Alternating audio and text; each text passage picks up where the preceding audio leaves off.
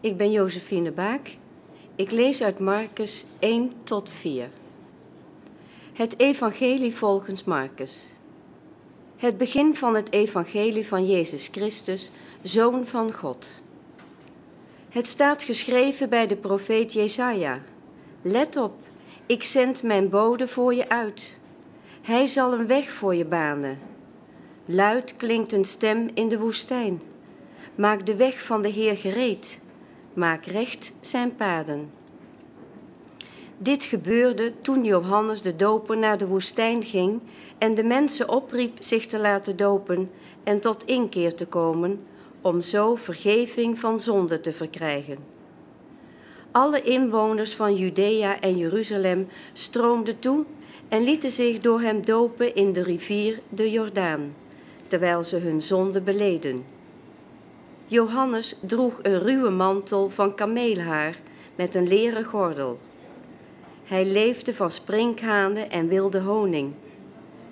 Hij verkondigde: Na mij komt iemand die meer vermag dan ik.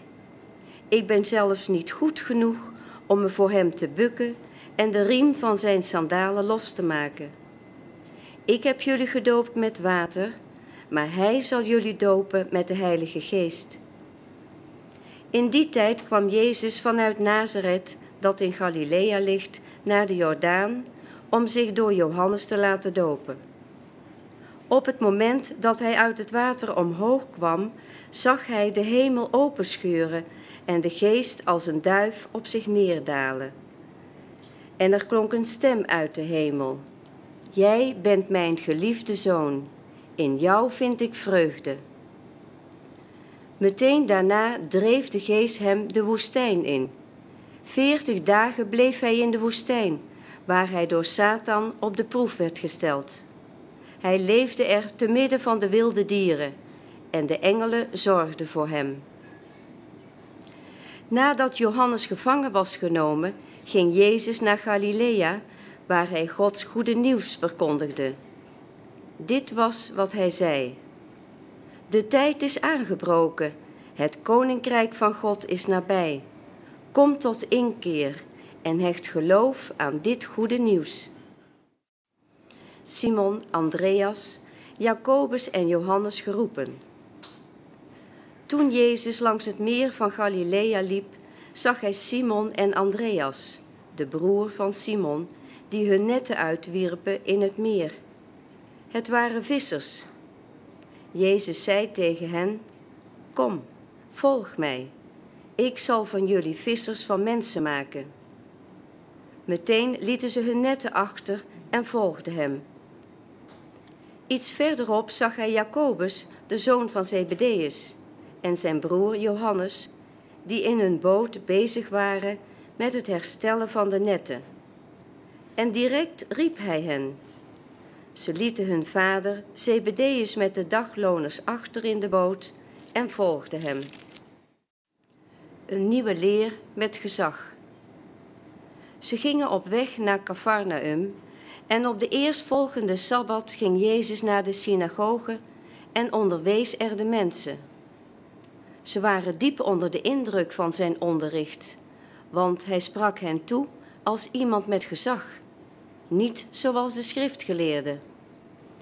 Er was in de synagoge ook een man die bezeten was door een onreine geest, en hij schreeuwde: Wat hebben wij met jou te maken, Jezus van Nazareth? Ben je gekomen om ons te vernietigen? Ik weet wel wie je bent, de heilige van God.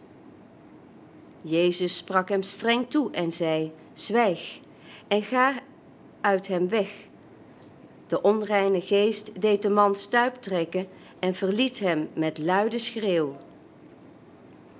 Iedereen was zo verbijsterd dat ze tegen elkaar zeiden: Wat is dit allemaal? Een nieuwe leer met groot gezag? Zelfs als hij onreine geesten een bevel geeft, wordt hij gehoorzaamd. Het nieuws over Jezus verspreidde zich al gauw overal in Galilea. Toen ze uit de synagoge kwamen, gingen ze rechtstreeks naar het huis van Simon en Andreas, samen met Jacobus en Johannes. Simons schoonmoeder lag met koorts in bed en ze spraken met Jezus over haar. Hij ging naar haar toe, pakte haar hand vast en hielp haar overeind. Toen verliet de koorts haar en ze begon voor hen te zorgen. S'avonds laat, toen de zon al was ondergegaan, brachten de mensen alle zieken en bezetenen naar hem toe. Alle inwoners van de stad hadden zich bij de deur van het huis verzameld. Hij genas vele zieken van allerlei kwalen en hij dreef veel demonen uit, maar stond ze niet toe om iets te zeggen, want ze wisten wie hij was. Vroeg in de ochtend, toen het nog helemaal donker was, stond hij op en ging naar buiten en liep naar een eenzame plek om daar te bidden. Maar Simon en de anderen die bij hem waren, gingen hem vlug achterna. En toen ze hem gevonden hadden, zeiden ze tegen hem: Iedereen is naar u op zoek.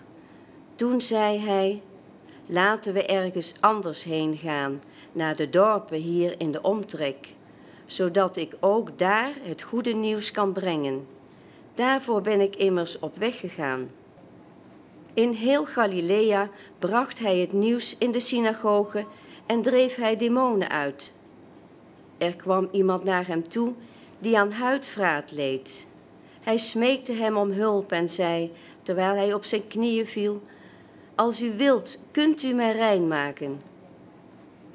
Jezus kreeg medelijden, stak zijn hand uit, raakte hem aan en zei: Ik wil het, word rein.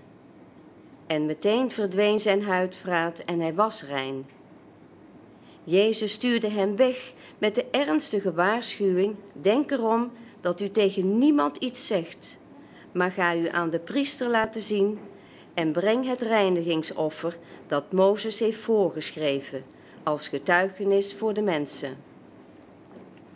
Maar toen de man vertrokken was, ging hij overal breed uit rond vertellen wat er gebeurd was met als gevolg dat Jezus niet langer openlijk in een stad kon verschijnen, maar op eenzame plaatsen buiten de steden moest blijven. Toch bleven de mensen van alle kanten naar hem toekomen. Jezus gezag betwist. Toen hij enkele dagen later terugkwam in Cafarnaum, werd bekend dat hij weer thuis was.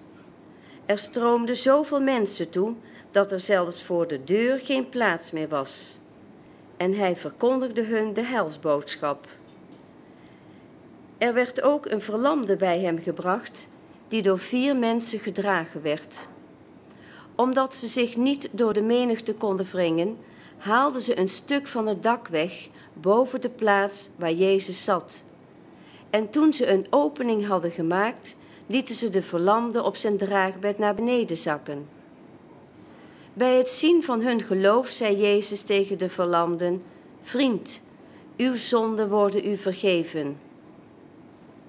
Er zaten ook een paar schriftgeleerden tussen de mensen en die dachten bij zichzelf: Hoe durft hij dat te zeggen? Hij slaat Gods lasterlijke taal uit. Alleen God kan immers zonde vergeven. Jezus had meteen door wat ze dachten en dus zei hij: Waarom denkt u zoiets? Wat is gemakkelijker? Tegen een verlamde zeggen: Uw zonden worden u vergeven, of sta op, pak uw bed en loop. Ik zal u laten zien dat de mensen zo'n volmacht heeft om op aarde zonde te vergeven.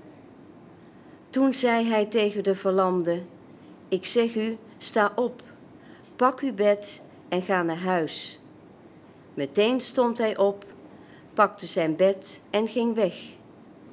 Allen die dit zagen stonden versteld en loofden God. Zoiets hebben we nog nooit gezien, zeiden ze. Jezus vertrok en ging weer naar het meer.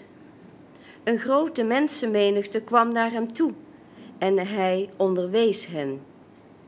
Toen hij langs het meer liep, zag hij Levi, de zoon van Alfeus, bij het tolhuis zitten en hij zei tegen hem: Volg mij. Levi stond op en volgde hem. Op een keer was hij bij Levi thuis uitgenodigd voor een maaltijd, samen met zijn leerlingen en een groot aantal tollenaars en zondaars, want velen van hen volgden hem. Toen de Fariseese schriftgeleerden zagen dat hij samen met zondaars en tollenaars at, zeiden ze tegen de leerlingen: Eet hij met tollenaars en zondaars? Jezus hoorde dit en zei tegen hem: Gezonde mensen hebben geen dokter nodig, maar zieken wel. Ik ben niet gekomen om rechtvaardigen te roepen, maar zondaars. De leerlingen van Johannes en de Fariseërs hadden de gewoonte regelmatig te vasten. Er kwamen mensen naar Jezus toe die hem vroegen: Waarom vasten de leerlingen van Johannes en de leerlingen van de Fariseeën wel, maar uw leerlingen niet? Jezus antwoordde: Bruiloftsgasten kunnen toch niet vasten zolang de bruidegom bij hen is? Nee, zolang ze de bruidegom bij zich hebben, kunnen ze niet vasten. Maar er komt een dag dat de bruidegom bij hen wordt weggehaald en dan is het hun tijd om te vasten. Niemand verstelt een oude mantel met een lap die nog niet gekrompen is, want dan trekt die nieuwe lap de oude stof kapot en wordt de scheur nog groter. En niemand giet jonge wijn in oude leren zakken, want dan scheuren ze open en gaat de wijn verloren, net als de zakken zelf. Jonge wijn hoort in nieuwe zakken. Eens liep hij op een sabbat tussen de korenvelden door. Zijn leerlingen gingen de velden in en begonnen aren te plukken. Kijk eens, zeiden de fariseërs tegen hem, waarom doen ze iets dat op sabbat niet mag?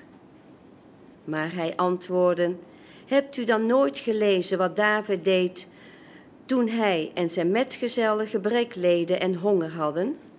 Hij ging het huis van God binnen Abjatar was toen hoge priester en at van de toonbroden waarvan alleen de priesters mogen eten. En hij gaf ze ook aan zijn mannen te eten.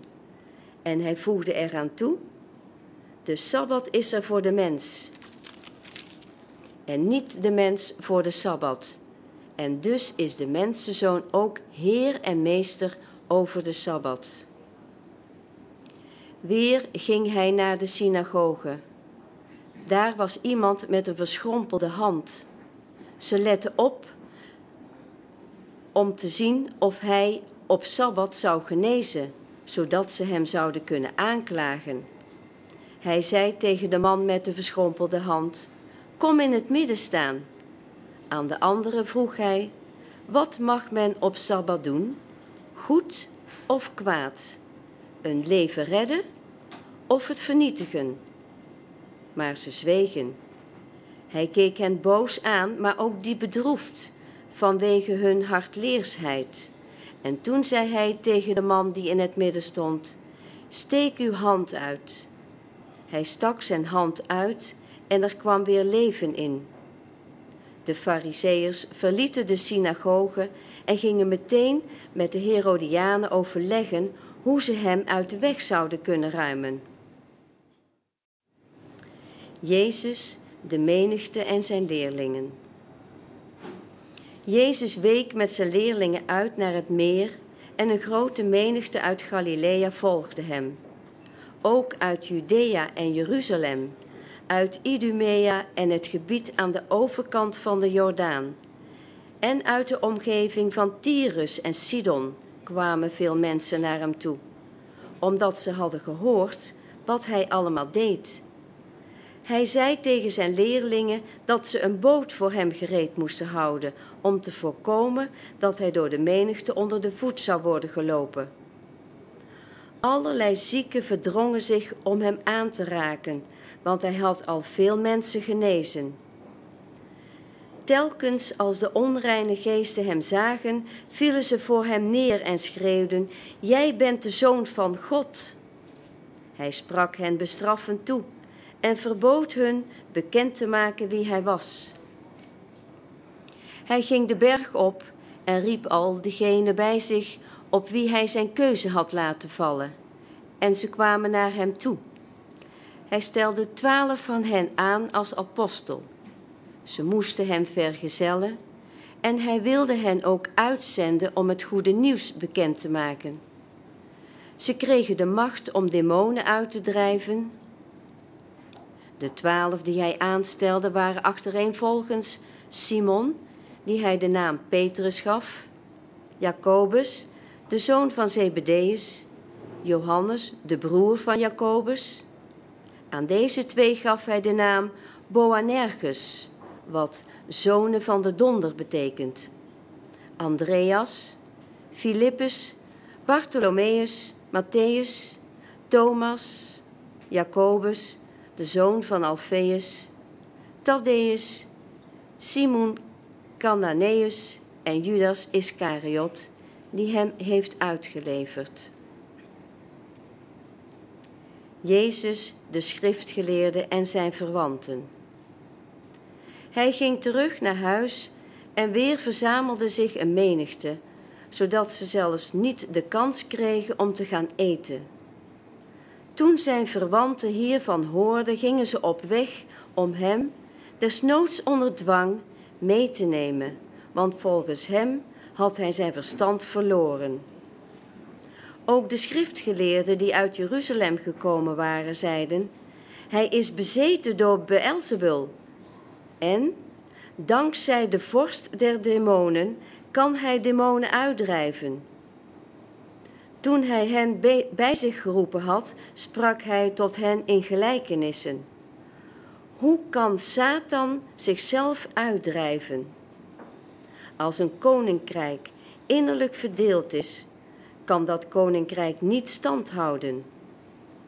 Als een gemeenschap innerlijk verdeeld is, zal die gemeenschap niet kunnen standhouden. En als Satan tegen zichzelf in opstand is gekomen en verdeeld is, kan ook hij niet standhouden, maar gaat hij zijn einde tegemoet. Bovendien kan niemand het huis van een sterkere binnengaan om zijn inboedel te roven, als hij die sterkere niet eerst vastgebonden heeft. Pas dan kan hij zijn huis leeghalen. Ik verzeker u, alle wandaden en godslasteringen, hoe erg ook, kunnen de mensen worden vergeven. Maar wie lastertaal spreekt tegen de Heilige Geest, krijgt in alle eeuwigheid geen vergeving, want zo iemand is schuldig aan een onuitwisbaar vergrijp. Dit omdat ze gezegd hadden: Hij is bezeten door een onreine geest. Intussen waren zijn moeder en zijn broers aangekomen. Ze stuurden iemand naar binnen om hem te halen. Zelf bleven ze buiten wachten. Er zat een groot aantal mensen om hem heen en die zeiden tegen hem: Uw moeder en uw broers staan buiten en zoeken u. Hij antwoordde: Wie zijn mijn moeder en mijn broers? Hij keek de mensen aan die in een kring om hem heen zaten en zei: Jullie zijn mijn moeder en mijn broers. Want iedereen die de wil van God doet, die is mijn broer en zuster en moeder. Ik ben Diet Zomer en ik ga lezen uit Marcus, de hoofdstukken 4 tot 7. Gelijkenissen over het koninkrijk van God. Weer ging hij naar het meer om de mensen te onderwijzen. Er kwam een enorme menigte om hem heen staan. Daarom ging hij in de boot op het meer zitten, terwijl de menigte op de oever bleef staan. Hij onderwees hen uitvoerig en sprak hen toe in gelijkenissen. Hij zei: Luister. Iemand ging eens naar zijn land om te zaaien. Tijdens het zaaien viel een deel van het zaad op de weg en de vogels kwamen en aten het op. Een ander deel viel op de rotsachtige grond, waar maar weinig aarde was, en het schoot meteen op, omdat het niet diep in de grond kon doordringen. En toen de zon opkwam, verschroeide het jonge groen, en omdat het geen wortel had, droogde het uit. Weer ander zaad viel tussen de distels, en de distels schoten op en verstikten het, en het bracht geen vrucht voort. Maar er waren ook zaadjes die in goede grond vielen en wel vrucht voortbrachten. Ze schoten op en groeiden en droegen vrucht. Sommigen leverden het dertigvoudige op, anderen het zestigvoudige en weer anderen honderdvoudige. En hij zei: Wie oren heeft om te horen, moet goed luisteren. Toen hij weer alleen was met zijn volgelingen en met de twaalf, stelden ze hem vragen over de gelijkenissen. Hij zei tegen hen: Aan jullie is het geheim van het koninkrijk van God onthuld, maar zij die buiten blijven staan, krijgen alles te horen in gelijkenissen. Opdat ze scherp zien, maar geen inzicht hebben, opdat ze goed horen, maar niets begrijpen. Anders zouden ze zich bekeren en vergeving krijgen. Hij zei tegen hen: Begrijpen jullie deze gelijkenis niet? Hoe zullen jullie alle andere gelijkenissen dan begrijpen? De zaaier zaait het woord. Sommigen zijn als het zaad dat op de weg valt. Het woord wordt wel gezaaid, maar wanneer ze het gehoord hebben, komt meteen Satan om het woord weg te graaien dat in hen gezaaid is. Anderen zijn als het zaad dat op de rotsgrond is gezaaid. Wanneer zij het woord hebben gehoord, nemen ze het meteen in vreugde in zich op. Maar in hen schiet het geen wortel. Ze zijn te oppervlakkig. En als ze vanwege het woord worden beproefd of vervolgd, houden ze geen ogenblik stand. Weer anderen zijn als het zaad dat tussen de distels is gezaaid. Ze hebben het woord wel gehoord, maar de zorg om het dagelijks bestaan en de verleiding van de rijkdom en hun verlangens naar allerlei andere dingen komen ertussen en verstikken het woord, zodat het zonder vrucht blijft. Maar er zijn ook mensen die zijn als het zaad dat op de goede grond is gezaaid. Zij horen het woord en aanvaarden het en dragen vrucht. Sommigen dertigvoudig, anderen zestigvoudig en weer anderen honderdvoudig. Tegen de menigte zei hij: Je steekt er geen lamp aan om hem onder de korenmaat te laten uitdoven of onder een bed weg te bergen. Nee, je zet hem op een standaard. Alles wat verborgen is, moet openbaar worden gemaakt. En alles wat in het geheim is ontstaan, moet aan het licht komen. Wie oren heeft om te horen, moet goed luisteren. Hij zei ook tegen hen: Let goed op wat je hoort. Met de maat waarmee je meet, zal jou de maat genomen worden. En er zal je zelfs meer worden toebedeeld. Want wie heeft, zal nog meer krijgen. Maar wie niets heeft, zal zelfs het laatste worden ontnomen. En hij zei: Het is met het koninkrijk van God als met een mens die zaad uitstrooit op de aarde. Hij slaapt en staat weer op, dag in, dag uit, terwijl het zaad ontkiemt en opschiet, ook al weet hij niet hoe. De aarde brengt uit zichzelf vrucht voort. Eerst de halm, dan de aar en dan de rijpe graan in de aar. Maar zo gauw het graan het toelaat, slaat hij er de sikkel in, omdat het tijd is voor de oogst. En hij zei: Waarmee kunnen we het koninkrijk van God vergelijken en door welke gelijkenis kunnen we het voorstellen? Het is als een zaadje van een mosterdplant, het kleinste van alle zaden op aarde wanneer het gezaaid wordt. Maar als het na het zaaien opschiet, wordt het het grootste van alle planten en krijgt het grote takken, zodat de vogels van de hemel in zijn schaduw kunnen nestelen. Met zulke en andere gelijkenissen maakt hij hun het goede nieuws bekend, voor zover het ze konden begrijpen. Hij sprak alleen in gelijkenissen tegen hen, maar wanneer hij alleen was met zijn leerlingen, verklaarde hij hun alles. Vijf confrontaties, geloof en ongeloof. Aan het eind van die dag, toen het avond was geworden, zei hij tegen hen: Laten we het meer oversteken. Ze stuurden de menigte weg en namen hem mee in een boot waar hij al zat en voerden samen met hem andere boten het meer op. Er stak een hevige storm op en de golven beukten tegen de boot, zodat die vol water kwam te staan. Maar hij lag achter in de boot op een kussen te slapen. Ze maakten hem wakker en zeiden: Meester, kan het u niet schelen dat we vergaan? Toen hij wakker was geworden, sprak hij de wind bestraffend toe en zei tegen het meer: Zwijg, wees stil. De wind ging liggen en het meer kwam helemaal tot rust. Hij zei tegen hen: Waarom hebben jullie zo weinig moed? Geloven jullie nog steeds niet? Ze werden bevangen door grote schrik en zeiden tegen elkaar: Wie is hij toch dat zelfs wind en het meer hem gehoorzamen? Ze kwamen aan de overkant van het meer, in het gebied van de Gerasenen. Toen hij uit de boot gestapt was, kwam hem meteen vanuit de grafspelonken een man tegemoet die door een onreine geest bezeten was en in de spelonken woonde. Zelfs als hij vastgebonden was met een ketting, kon niemand hem in bedwang houden. Hij was al dikwijls in handen en voeten geketend geweest, maar dan trok hij de kettingen los en sloeg hij de boeien stuk en niemand was sterk genoeg om hem te bedwingen. En altijd, dag en nacht, liep hij schreeuwend tussen de rotsgraven en door de bergen en hij sloeg zichzelf met stenen. Toen hij Jezus in de verte zag, rende hij op hem af en viel voor hem neer. En luid schreeuwend zei hij: Wat heb ik met jou te maken, Jezus, zoon van de Allerhoogste God? Ik bezweer je bij God, doe me geen pijn. Want hij had tegen hem gezegd: Onreine geest, ga weg uit die man. Jezus vroeg hem: Wat is je naam? En hij antwoordde: Legioen is mijn naam, want we zijn met velen. En hij smeekte hem dringend om hen niet uit de streek te verjagen. Nu liep er op de berghelling een grote kudde varkens te grazen. De onreine geesten smeekten hem: Stuur ons naar die varkens, dan kunnen we ze bij hen intrekken. Hij stond hun toe. Toen de onreine geesten de man verlaten hadden, trokken ze in de varkens en de kudde van wel 2000 stuks stormde de steile helling af, het meer in en verdronk in het water. De varkenshoeders sloegen op de vlucht en vertelden in de stad en in de dorpen wat ze hadden meegemaakt. En de mensen gingen kijken wat er was gebeurd.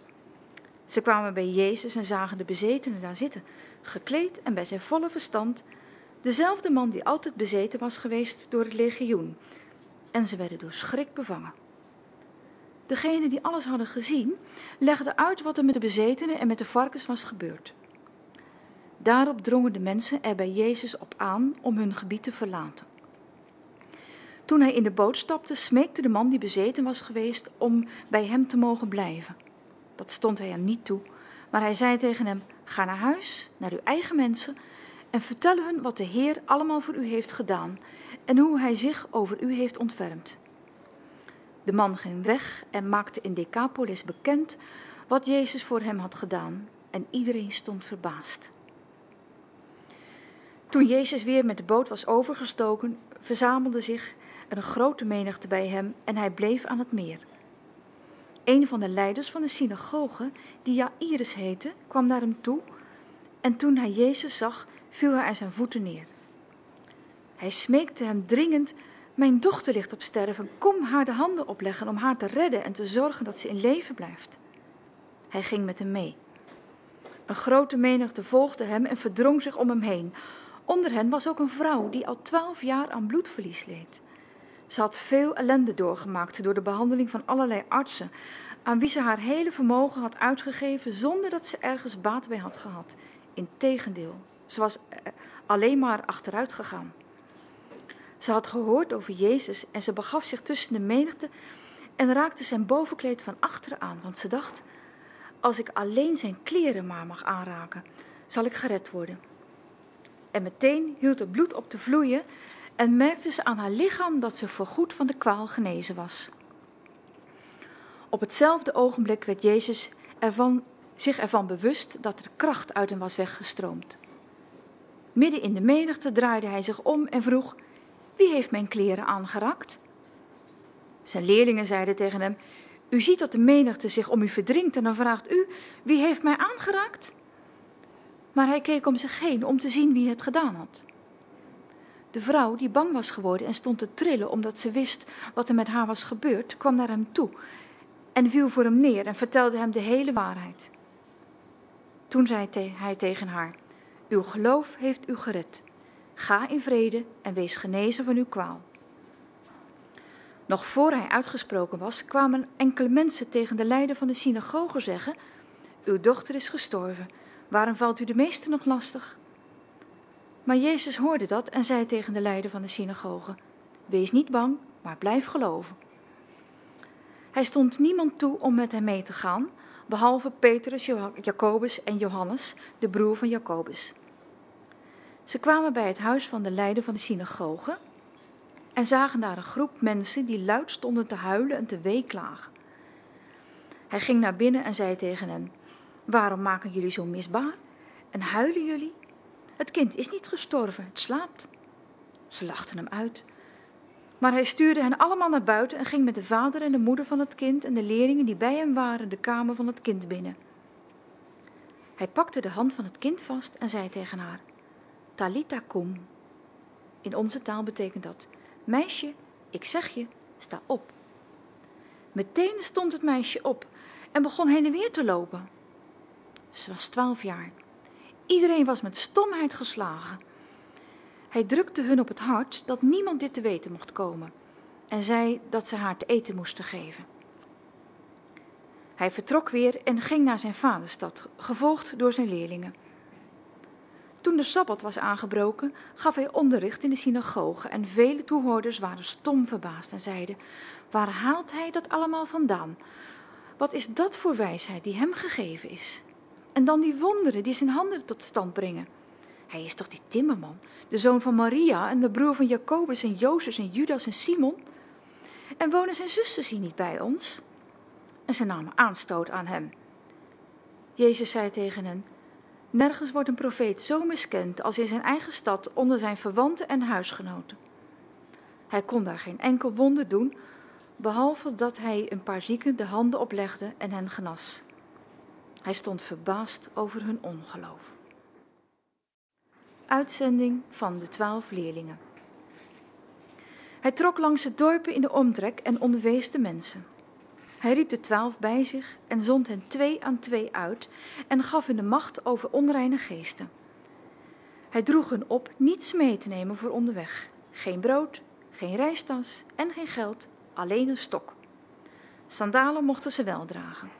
Maar, zei hij, trek geen extra kleren aan.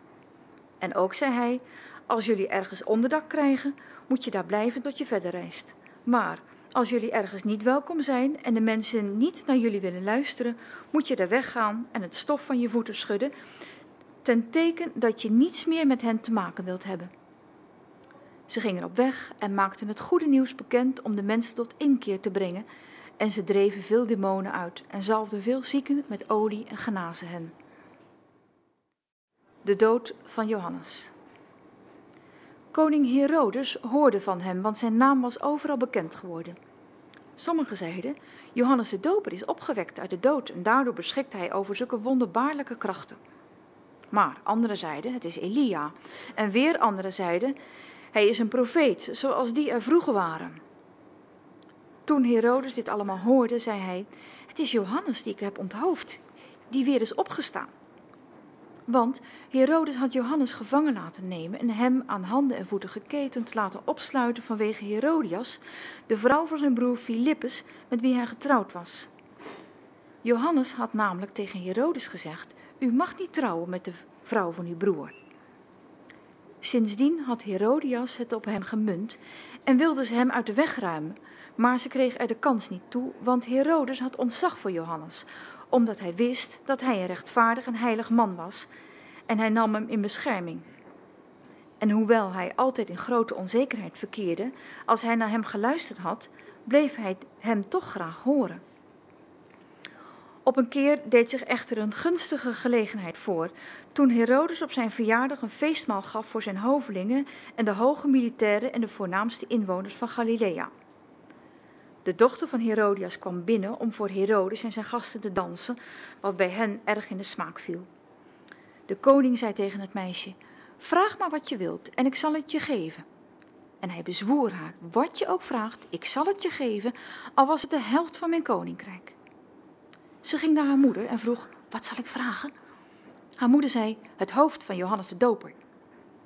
Haastig ging ze weer naar binnen en stapte recht op de koning af en zei tegen hem: Ik wil dat u me nu meteen op een schaal het hoofd van Johannes de Doper geeft.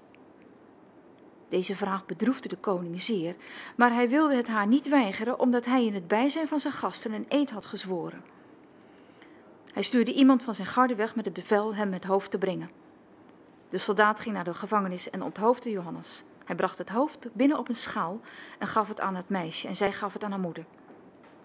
Toen zijn leerlingen hiervan hoorden, gingen ze zijn lijk halen en legden het in een graf. Het teken van de broden. De apostelen kwamen weer terug bij Jezus en vertelden hem over alles wat ze gedaan hadden en wat ze de mensen onderwezen hadden. Hij zei tegen hen: Ga nu mee naar een eenzame plaats om alleen te zijn en een tijdje uit te rusten. Want het was een voortdurend komen en gaan van de mensen, zodat ze zelfs niet de kans kregen om te eten. Ze voeren met de boot naar een afgelegen plaats om daar alleen te kunnen zijn. Maar hun vertrek werd opgemerkt en velen hoorden ervan. En uit alle steden haasten de mensen zich over land naar die plaats. En dan kwamen er nog eerder aan dan Jezus en de apostelen. Toen hij uit de boot stapte, zag hij een grote menigte en voelde medelijden met hen, omdat ze leken op schapen zonder herder. En hij onderwees hen langdurig. Toen er al veel tijd was verstreken, kwamen zijn leerlingen naar hem toe en zeiden: Dit is een afgelegen plaats en het is al laat. Stuur hem weg, dan kunnen ze naar de dorpen en gehuchten in de omtrek om eten te kopen. Maar hij zei: Geven jullie hem maar te eten. Ze vroegen hem: Moeten wij dan voor 200 denari brood gaan kopen om hun te eten te geven? Toen zei hij: Hoeveel broden hebben jullie bij je? Ga eens kijken. En nadat ze waren gaan kijken wat ze bij zich hadden, zeiden ze: Vijf en twee vissen. Hij zei tegen hen dat ze de mensen opdracht moesten geven om in groepen in het groene gras te gaan zitten. Ze gingen zitten in groepen van honderd en groepen van vijftig. Hij nam de vijf broden en de twee vissen, keek omhoog naar de hemel, sprak het zegengebed uit, brak de broden en gaf ze aan zijn leerlingen om ze aan de menigte uit te delen. Ook de twee vissen verdeelde hij onder allen die er waren. Iedereen at en werd verzadigd. Ze haalden de overgebleven stukken brood op, waar wel twaalf manden mee konden worden gevuld, en ook wat er over was van de vissen. Vijfduizend mensen hadden van de broden gegeten. Naar de overkant van het meer.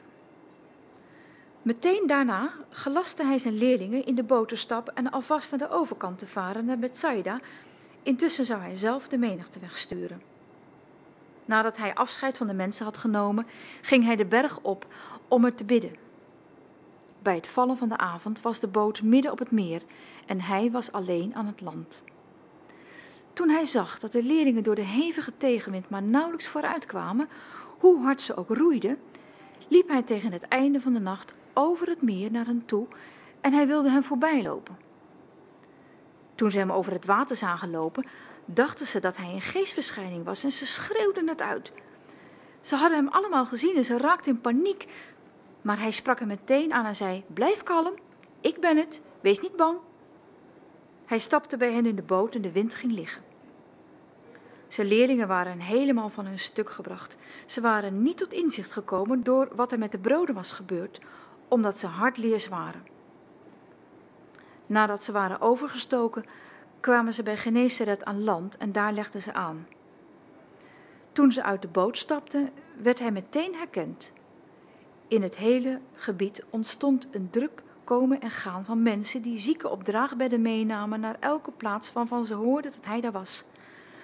Overal waar hij kwam, in dorpen, steden en gehuchten, legden ze de zieken op het plein.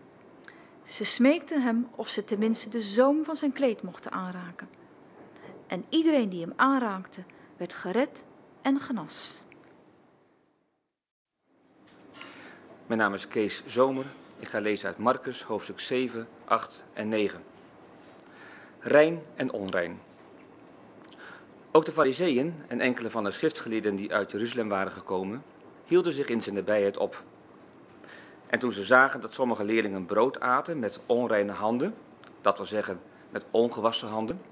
De fariseeën en alle andere joden eten namelijk pas als ze hun handen gewassen hebben, omdat ze zich aan de traditie van hun voorouders houden.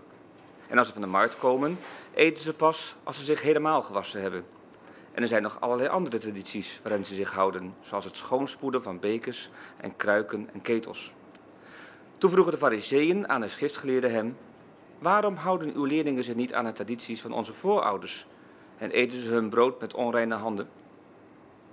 Maar hij antwoordde, wat is de profetie van Jezaja toch toepasselijk op huigelaars als u?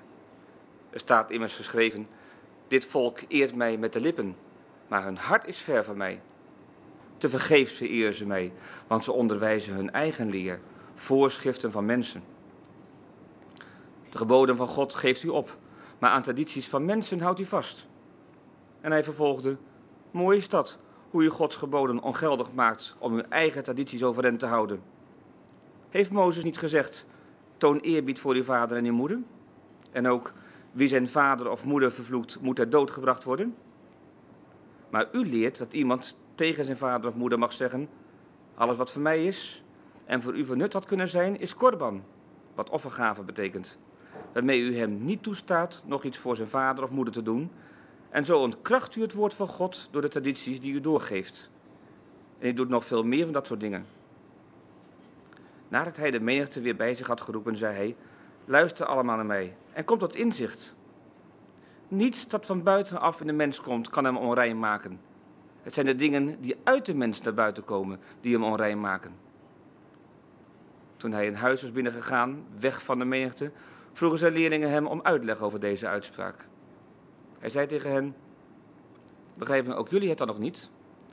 Zien jullie er niet in dat niets dat van buitenaf in de mens komt hen onrein kan maken, omdat het niet in zijn hart, maar in zijn maag komt en in de beerput weer verdwijnt? Zo verklaarde hij alle spijzen rein.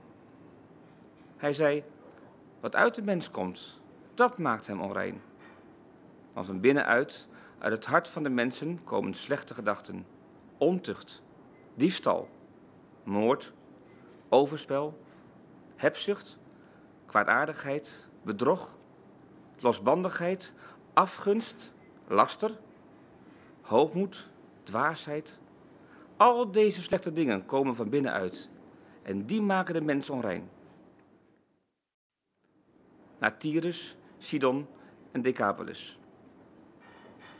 Hij ging weg en vertrok naar de omgeving van Tyrus. Daar nam hij zijn intrek in een huis. En hoewel hij niet wilde dat iemand dat te weten zou komen, lukte het hem niet onopgemerkt te blijven. Integendeel, er kwam al meteen een vrouw die over hem gehoord had naar hem toe. En ze viel voor zijn voeten neer. Ze had een dochter die door een onreine geest bezeten was. Deze vrouw was van Syro-Venetische afkomst en geen Jodin.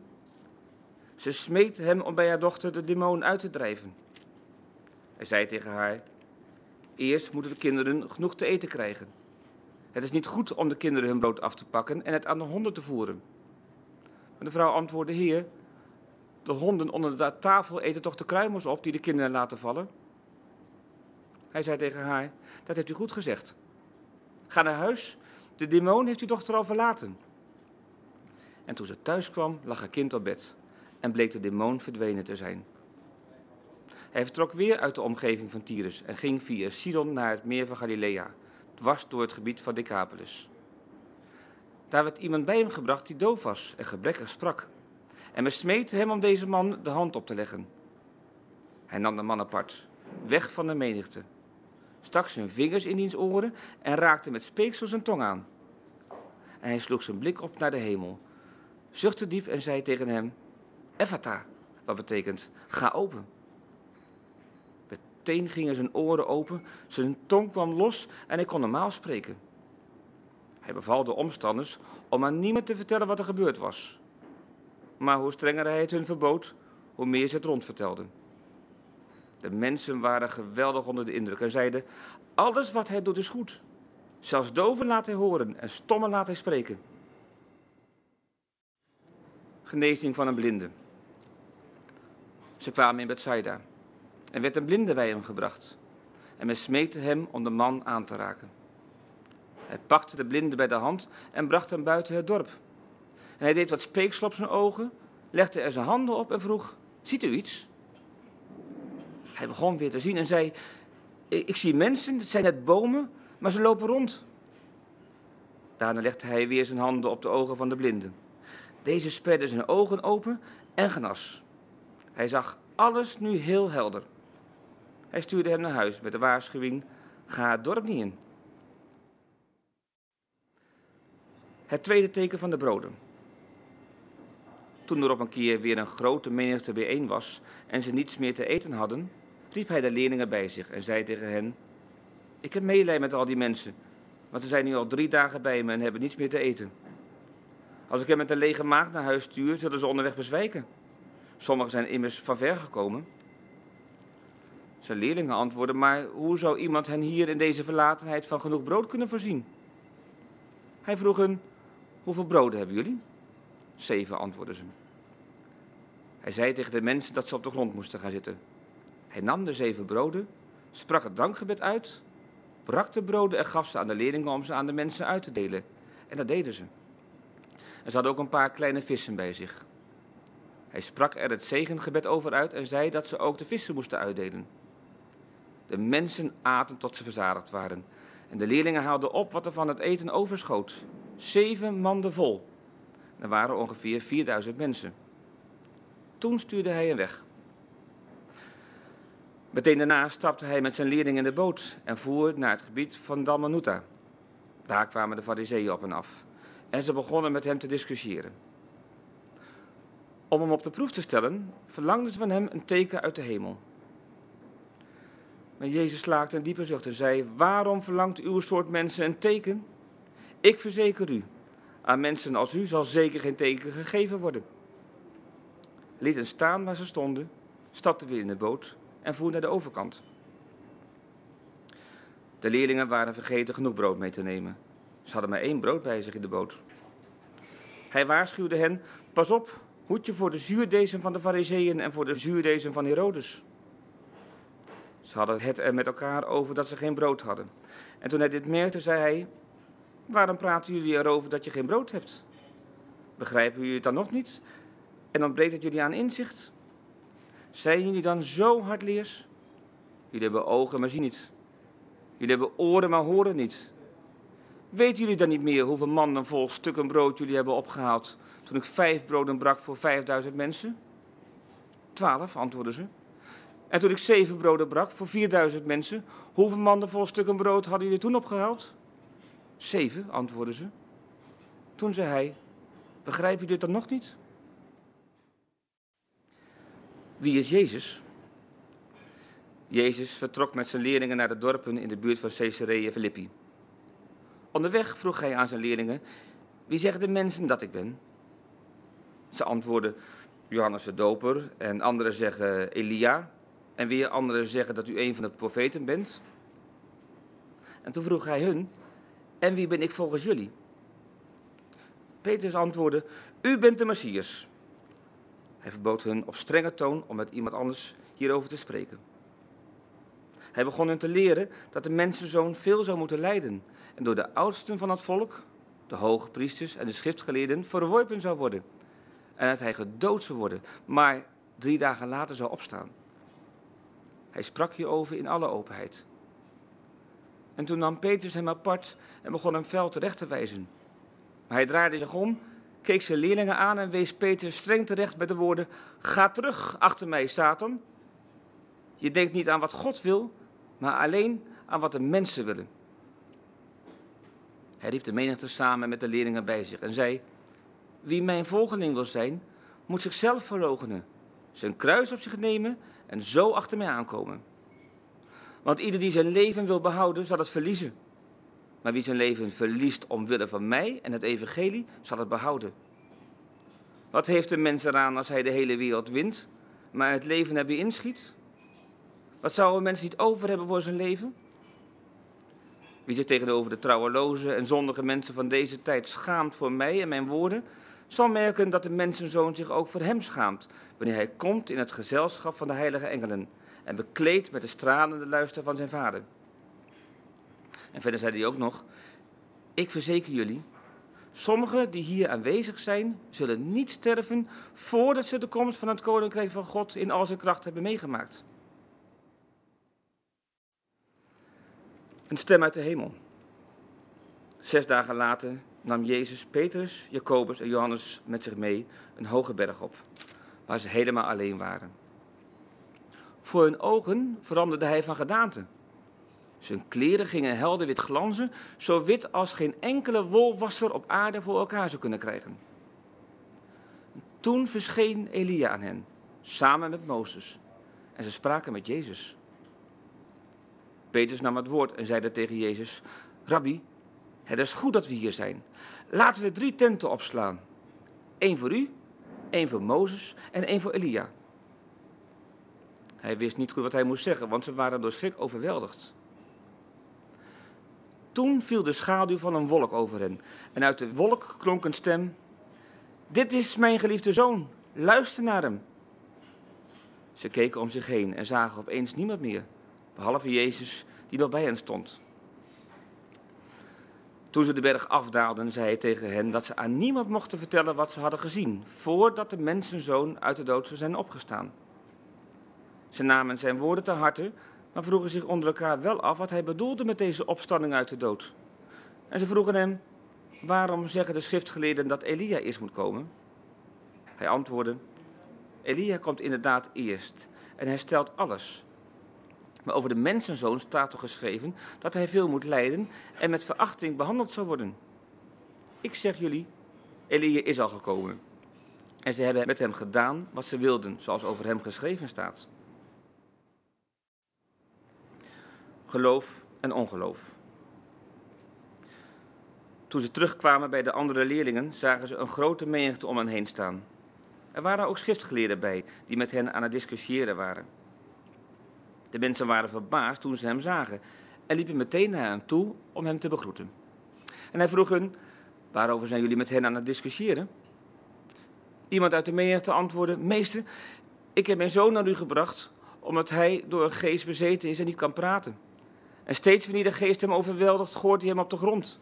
En dan komt het schuim hem op de mond te staan. Hij knarst met zijn tanden en hij wordt helemaal stijf. En ik zei tegen uw leerlingen dat ze hem moesten uitdrijven, maar dat konden ze niet.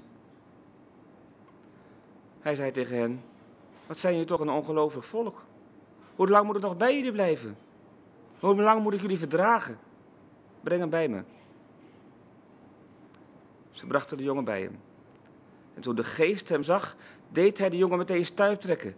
En met het schuim op de lippen viel hij op de grond en rolde heen en weer. Jezus vroeg aan zijn vader, hoe lang heeft hij hier al last van? Hij antwoordde, al vanaf zijn vroegste jeugd.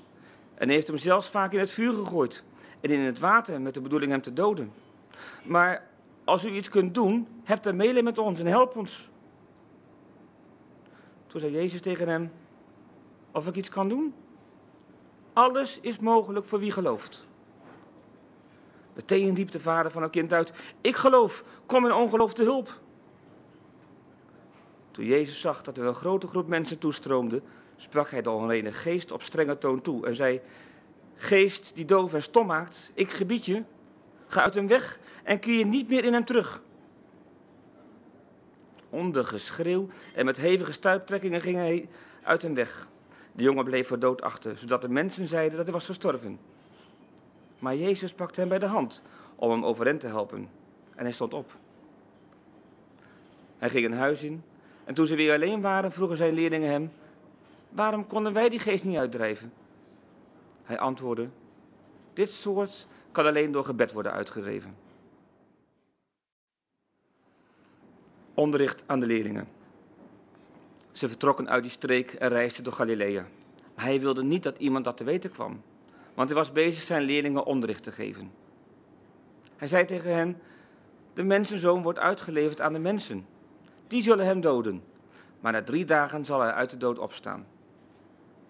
Ze begrepen deze uitspraak niet, maar ze durfden hem geen vragen te stellen. Ze kwamen in Capernaum. Toen ze in huis waren, vroeg hij hun: Waarover waren jullie onderweg aan het reden twisten? Ze zwegen, want ze hadden onderweg met elkaar getwist over de vraag wie voor hen de belangrijkste was. Hij ging zitten en riep de twaalf bij zich.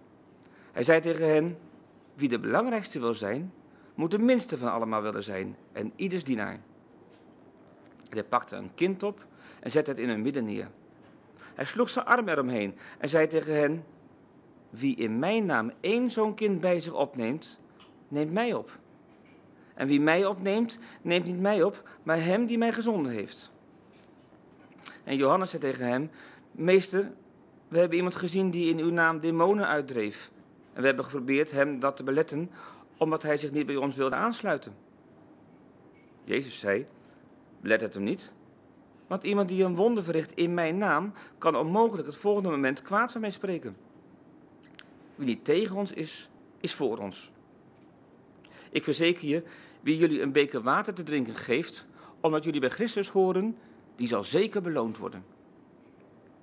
Wie een van de geringen die in mij geloven van de goede weg afbrengt, zou beter af zijn als hij met een modesteen om zijn nek in zee gegooid werd. Als je handje op de verkeerde weg brengt, hak hem dan af. Je kunt beter verminkt het leven binnengaan dan in het bezit van twee handen naar de Gehenna te moeten gaan, naar het onblusbare vuur. Als je voetje op de verkeerde weg brengt, hak hem dan af. Je kunt beter kreupel het leven binnengaan dan in het bezit van twee voeten in de Gehenna geworpen worden. En als je oogje op de verkeerde weg brengt, ruk hem dan uit. Je kunt beter met één oog het koninkrijk van God binnengaan dan in het bezit van twee ogen in de Gehenna geworpen worden, waar de wormen blijven knagen en het vuur niet dooft. Iedereen moet met vuur gezouten worden. Zout is goed. Maar als het zout zijn kracht verliest, hoe zullen jullie het zijn kracht dan teruggeven? Zorg dat jullie het zout in jezelf niet verliezen en bewaar onder elkaar de vrede. Ik ben Ria Beijers Boogaard en ik lees Marcus 10 tot 14. Twistgesprek met Fariseeën. Hij vertrok uit Cafarnaum naar Judea en het gebied aan de overkant van de Jordaan. En de mensen verzamelden zich weer in grote getalen om hem heen. Hij onderwees hen zoals hij gewoon was te doen. Er kwamen ook fariseeën op hem af. Ze vroegen hem of een man zijn vrouw mag verstoten. Zo wilden ze hem op de proef stellen. Hij vroeg hen, hoe luidt het voorschrift van Mozes? Ze zeiden, Mozes heeft de man toegestaan een scheidingsbrief te schrijven en haar te verstoten. Jezus zei tegen hen, hij heeft dat voor u opgeschreven omdat u zo harteloos en koppig bent. Maar al bij het begin van de schepping heeft God de mens mannelijk en vrouwelijk gemaakt. Daarom zal een man zijn vader en moeder verlaten en zich hechten aan zijn vrouw. En die twee zullen één worden. Ze zijn dan niet langer twee, maar één. Wat God heeft verbonden mag een mens niet scheiden. In huis stelden de leerlingen hem hier weer vragen over. Hij zei tegen hen: Wie zijn vrouw verstoot en met een ander trouwt, pleegt overspel. En als zij haar man verstoot en met een ander trouwt, pleegt zij overspel. Binnengaan in het koninkrijk van God. De mensen probeerden kinderen bij hem te brengen om ze door hem te laten aanraken, maar de leerlingen berispten hen. Toen Jezus dat zag, wond hij zich erover op en zei tegen hen: Laat de kinderen bij me komen, houd ze niet tegen, want het koninkrijk van God behoort toe aan wie is zoals zij. Ik verzeker jullie, wie niet als een kind openstaat voor het koninkrijk van God, zal er zeker niet binnengaan. Hij nam de kinderen in zijn armen en zegende hen door hun de handen op te leggen. Toen hij zijn weg vervolgde, kwam er iemand naar hem toe die voor hem op zijn knieën viel en vroeg: Goede meester, wat moet ik doen om deel te krijgen aan het eeuwige leven? Jezus antwoordde: Waarom noemt u mij goed? Niemand is goed, behalve God. U kent de geboden. Pleeg geen moord, pleeg geen overspel, steel niet, leg geen vals getuigenis af, bedrieg niemand, toon eerbied voor uw vader en uw moeder. Toen zei de man: Meester, sinds mijn jeugd heb ik me daaraan gehouden. Jezus keek hem liefdevol aan en zei tegen hem: Eén ding ontbreekt u. Ga naar huis Verkoop alles wat u hebt en geef het geld aan de armen. Dan zult u een schat in de hemel bezitten. Kom dan terug en volg mij. Maar de man werd somber toen hij dit hoorde en ging ter neergeslagen weg. Hij had namelijk veel bezittingen. Jezus keek de kring rond en zei tegen zijn leerlingen: Wat is het moeilijk voor rijken om het koninkrijk van God binnen te gaan? De leerlingen schrokken van zijn woorden. Maar Jezus zei nog eens uitdrukkelijk: Kinderen, wat is het moeilijk om het koninkrijk van God binnen te gaan. Het is gemakkelijker voor een kameel om door het oog van een naald te gaan dan voor een rijke om het koninkrijk van God binnen te gaan. Nu waren ze nog meer ontzet en ze zeiden tegen elkaar: Wie kan er dan nog gered worden? Jezus keek hen aan en zei: Bij mensen is dat onmogelijk, maar niet bij God. Want bij God is alles mogelijk. Petrus nam het woord en zei: Maar wij hebben alles achtergelaten om u te volgen. Jezus zei: Ik verzeker jullie, iedereen die broers of zusters, moeder, vader of kinderen, huis of akkers heeft achtergelaten omwille van mij en het evangelie, zal het honderdvoudige ontvangen.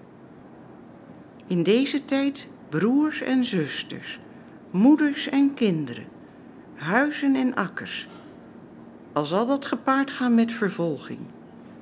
En in de tijd die komt, het eeuwige leven. Vele eersten zullen de laatsten zijn en vele laatsten de eersten. Op weg naar Jeruzalem. Ze waren onderweg naar Jeruzalem en Jezus liep voor hen uit. De leerlingen waren ongerust en ook de mensen die hen volgden waren bang. Hij nam de twaalf weer apart en vertelde hun wat hem zou overkomen. We zijn nu op weg naar Jeruzalem, waar de mensenzoon zal worden uitgeleverd aan de hoge priesters en de schriftgeleerden, die hem ter dood zullen veroordelen en hem zullen uitleveren aan de heidenen. Ze zullen de spot met hem drijven en hem bespuwen en hem geeselen en doden. Maar na drie dagen zal hij opstaan. Jacobus en Johannes, de zonen van Zebedeus, kwamen bij hem en zeiden: Meester, we willen dat u voor ons doet wat we u vragen. Hij vroeg hen: Wat willen jullie dan dat ik voor je doe? Ze zeiden: Wanneer u heerst in uw glorie, laat een van ons dan rechts van u zitten en de ander links. Maar Jezus zei tegen hen: Jullie weten niet wat je vraagt. Kunnen jullie de beker drinken die ik moet drinken, of de doop ondergaan die ik moet ondergaan? Ja, dat kunnen wij, antwoordden ze. Toen zei Jezus tegen hen: Jullie zullen de beker drinken die ik zal drinken, en de doop ondergaan die ik zal ondergaan. Maar wie er rechts of links van mij zal zitten, kan ik niet bepalen. Die plaatsen behoren toe aan hen voor wie ze zijn bestemd. Toen de andere leerlingen hiervan hoorden, werden ze woedend op Jacobus en Johannes. Jezus riep hen bij zich en zei tegen hen: Jullie weten dat de volken onderdrukt worden door hun eigen heersers en dat hun leiders hun macht misbruiken. Zo mag het bij jullie niet gaan. Wie van jullie de belangrijkste wil zijn, zal de anderen moeten dienen. En wie van jullie de eerste wil zijn, zal ieders dienaar moeten zijn. Want ook de mensenzoon is niet gekomen om gediend te worden, maar om te dienen en zijn leven te geven als losgeld voor velen. Ze kwamen in Jericho. Toen hij met zijn leerlingen en gevolgd door een grote menigte weer uit Jericho vertrok, zat daar een blinde bedelaar langs de weg. Een zekere Bartimaeus, de zoon van Timaeus.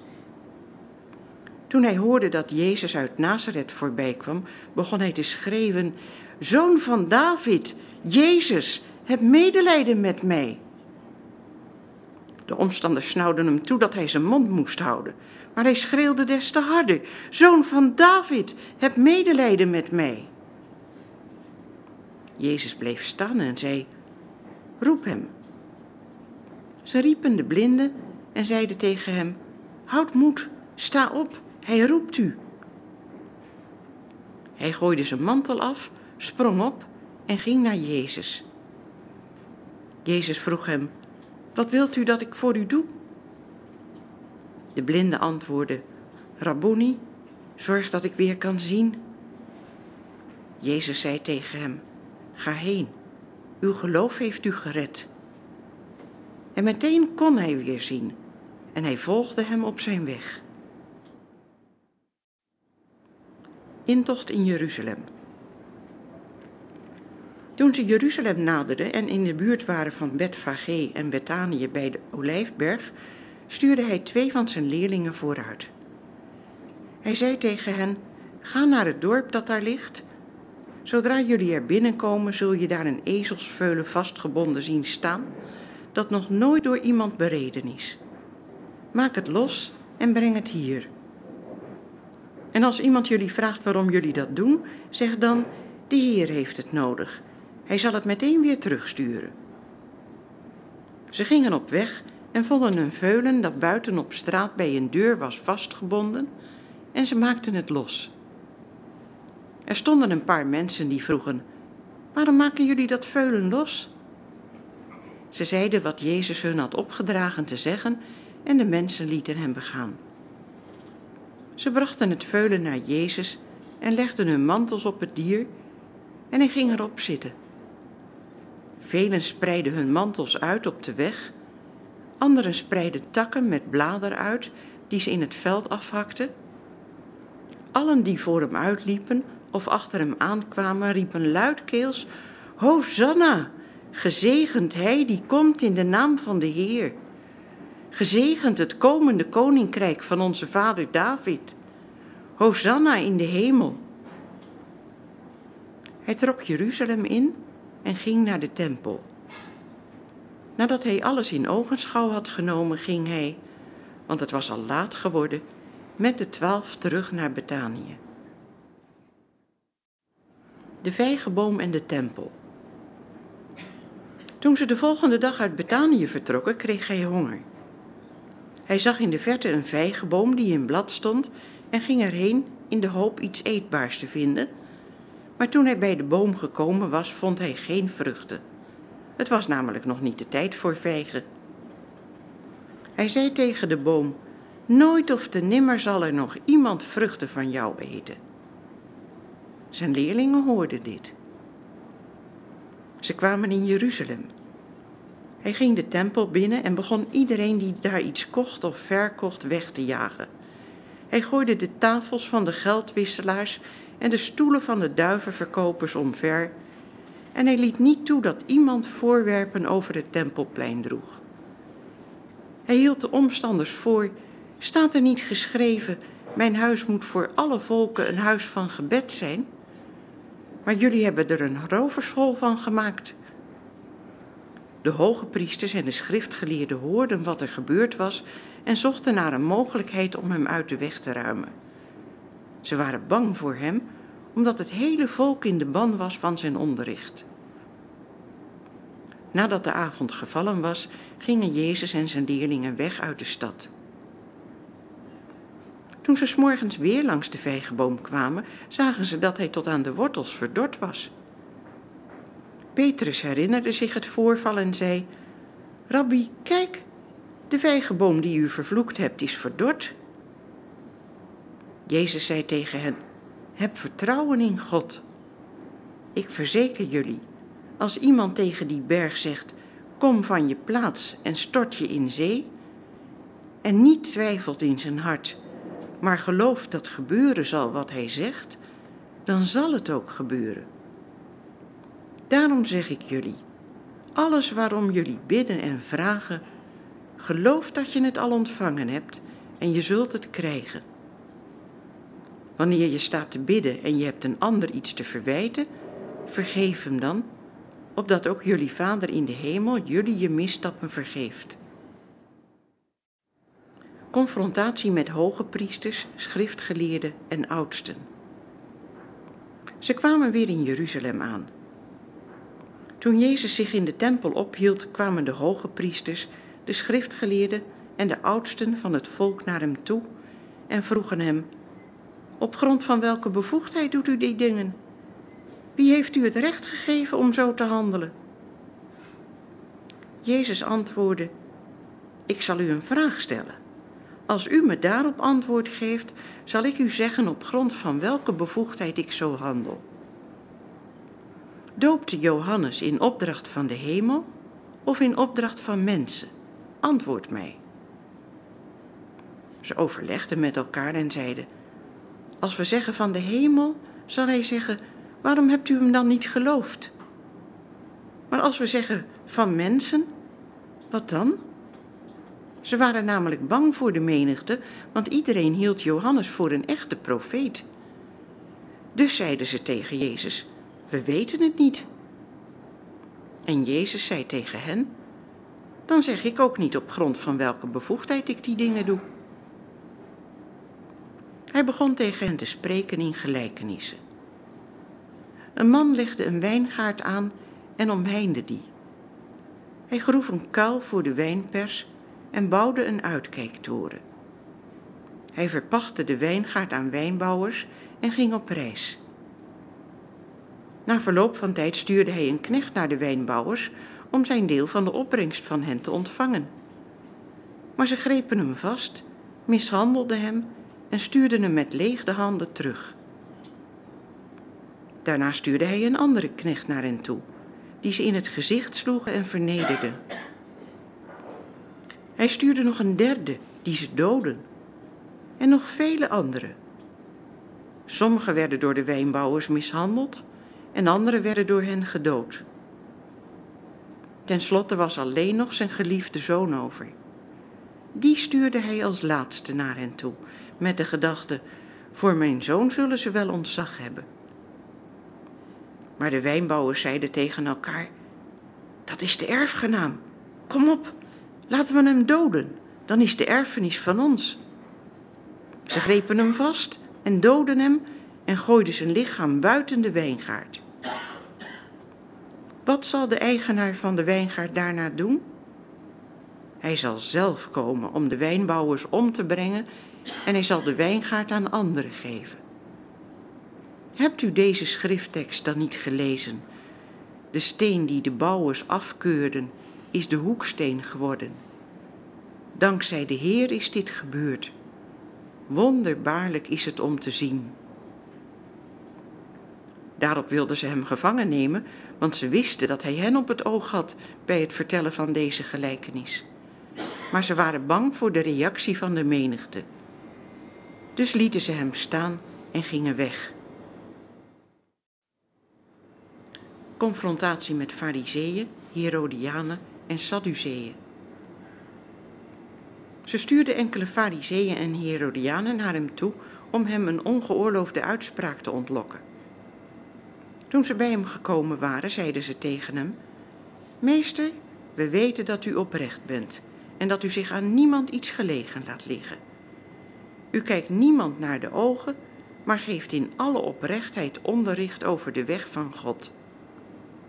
Is het toegestaan belasting te betalen aan de keizer of niet? Moeten we betalen of niet? Maar omdat hij hun huichelarij doorzag, antwoordde hij: Waarom stelt u me op de proef? Laat me eens een geldstuk zien. Ze gaven hem een munt en hij vroeg hun: Van wie is dit een afbeelding en van wie is het opschrift? Van de keizer, antwoordden ze. Toen zei Jezus tegen hen: Geef wat van de keizer is aan de keizer en geef aan God wat God toebehoort. En ze waren met stomheid geslagen. Er kwamen enkele Sadduceeën naar hem toe. Volgens de Sadduceeën is er geen opstanding uit de dood. Ze vroegen hem: Meester, Mozes heeft ons het volgende voorgeschreven. Als iemand sterft en een vrouw achterlaat, maar geen kinderen, moet zijn broer die vrouw bij zich nemen en nakomelingen verwekken voor zijn broer. Er waren eens zeven broers. De eerste nam een vrouw en stierf zonder nakomelingen. De tweede nam haar tot vrouw, maar stierf ook zonder nakomelingen. En met de derde ging het net zo. Geen van de zeven kreeg nakomelingen. Het laatst van allen stierf de vrouw. Wiens vrouw zal ze dan zijn bij de opstanding, wanneer ze opstaan uit de dood? Alle zeven zijn ze immers met haar getrouwd geweest. Jezus antwoordde: Dwaalt u niet? U kent blijkbaar de schriften niet en evenmin de macht van God. Want wanneer de mensen uit de dood opstaan, trouwen ze niet en worden ze niet uitgehuwelijkt, maar zijn ze als engelen in de hemel. Wat betreft de opwekking van de doden, hebt u in het boek van Mozes in het gedeelte over de doornstruik niet gelezen dat God tegen hem zei: Ik ben de God van Abraham, de God van Isaac en de God van Jacob? Hij is geen God van doden, maar van levenden. U dwaalt vreselijk. Een van de schriftgeleerden die naar hen geluisterd had terwijl ze discussieerden en gemerkt had dat hij hun correct had geantwoord, kwam dichterbij en vroeg: Wat is van alle geboden het belangrijkste gebod? Jezus antwoordde: Het voornaamste is: Luister, Israël. De Heer onze God is de enige Heer. Heb de Heer uw God lief met heel uw hart en met heel uw ziel en met heel uw verstand en met heel uw kracht. Het op één na belangrijkste is dit. Heb uw naaste lief als uzelf. Er zijn geen geboden belangrijker dan deze. De schriftgeleerde zei tegen hem, inderdaad meester, wat u zegt is waar. Hij alleen is God en er is geen andere God dan Hij. En Hem liefhebben met heel ons hart en met heel ons inzicht en met heel onze kracht en onze naaste liefhebben als onszelf betekent veel meer dan alle brandoffers en alle andere offers.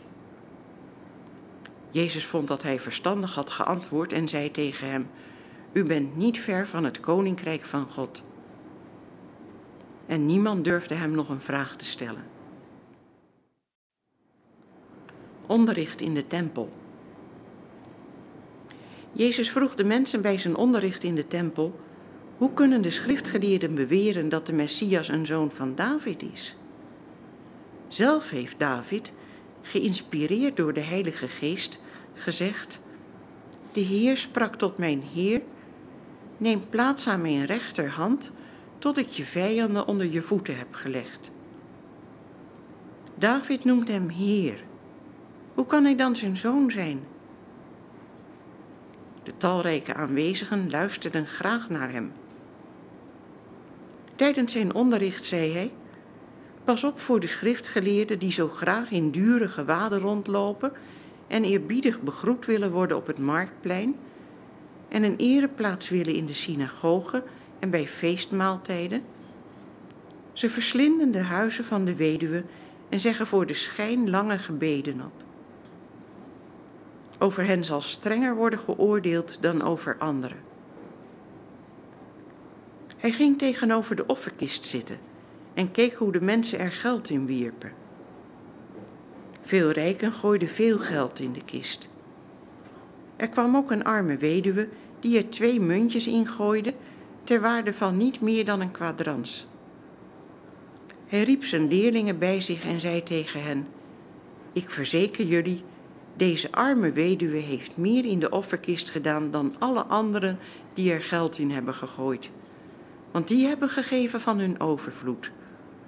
Maar zij heeft van haar armoede alles gegeven wat ze had, haar hele levensonderhoud. De komst van de mensenzoon. Toen hij de tempel verliet, zei een van zijn leerlingen tegen hem: Meester, kijk eens, wat een enorme stenen en wat een imposante gebouwen. Jezus zei tegen hem: Die grote gebouwen die je nu ziet, wees er maar zeker van dat geen enkele steen op de andere zal blijven. Alles zal worden afgebroken. Toen hij op de olijfberg was gaan zitten tegenover de tempel en Petrus, Jacobus, Johannes en Andreas alleen met hem waren, stelde Petrus hem de vraag: Vertel ons, wanneer zal dat allemaal gebeuren? En aan welk teken kunnen we herkennen dat het zover is? Jezus antwoordde: Pas op dat niemand jullie misleidt, want er zullen velen komen die mijn naam gebruiken en zich voor mij zullen uitgeven, en ze zullen veel mensen misleiden. Als jullie berichten horen over oorlog en oorlogsdreiging, wees dan niet verontrust. Die dingen moeten gebeuren, maar daarmee is het einde nog niet gekomen. Het ene volk zal tegen het andere ten strijde trekken, en het ene koninkrijk zal de strijd aanbinden met het andere Overal zullen er aardbevingen en hongersnoden zijn. Dat is het begin van de weeën. Wat jullie zelf betreft, pas goed op. Jullie zullen voor het gerecht worden gesleept en in synagogen worden gegezeld. En jullie zullen voor gouverneurs en koningen moeten verschijnen om voor hen van mij te getuigen. Want eerst moet aan alle volken het goede nieuws worden verkondigd. Wanneer jullie worden weggevoerd om te worden uitgeleverd, maak je dan vooraf geen zorgen over wat je zult gaan zeggen. Zeg wat jullie op dat tijdstip wordt ingegeven. Want jullie zijn het niet die dan spreken, maar het is de Heilige Geest.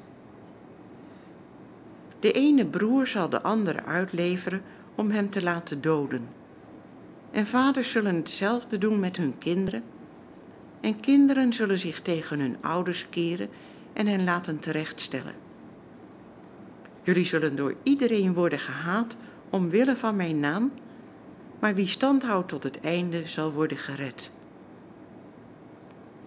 Wanneer jullie de verwoestende gruwel zien staan waar hij niet hoort, lezer, begrijp dit goed, dan moet iedereen in Judea de bergen in vluchten. Wie op het dak van zijn huis is, moet niet naar beneden gaan om nog iets uit zijn huis mee te nemen. En wie op het land is, moet niet naar huis gaan om zijn mantel te halen. Wat zal het rampzalig zijn voor de vrouwen die in die tijd zwanger zijn of een kind aan de borst hebben? Bid dat het niet in de winter gebeurt.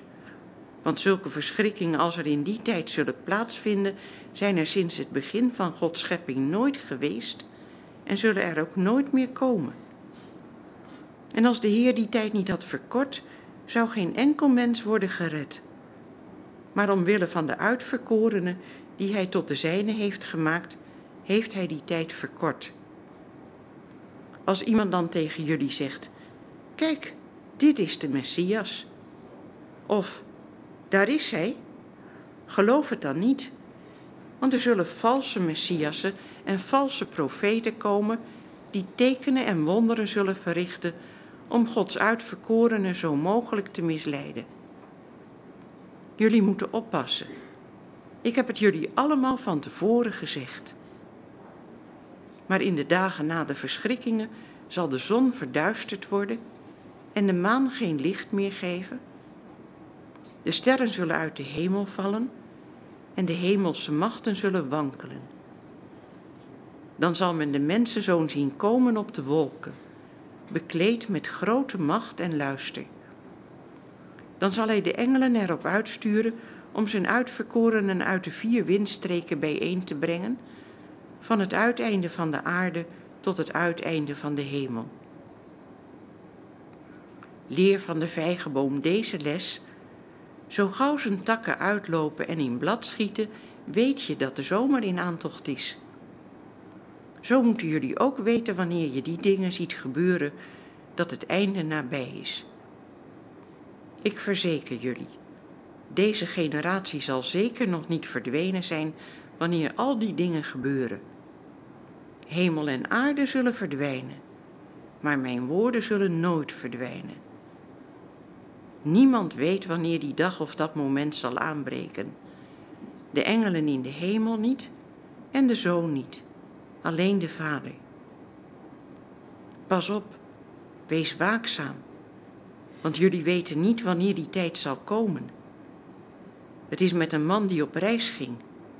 Hij verliet zijn huis en droeg het beheer over aan zijn dienaren, die elk een eigen taak kregen en de deurwachter gaf hij opdracht om de wacht te houden.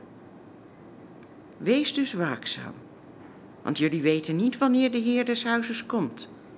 S'avonds, of midden in de nacht, of bij het eerste hanengekraai, of s morgens vroeg. Laat hij jullie niet slapend aantreffen wanneer hij plotseling komt. Wat ik tegen jullie zeg, zeg ik tegen iedereen. Wees waakzaam.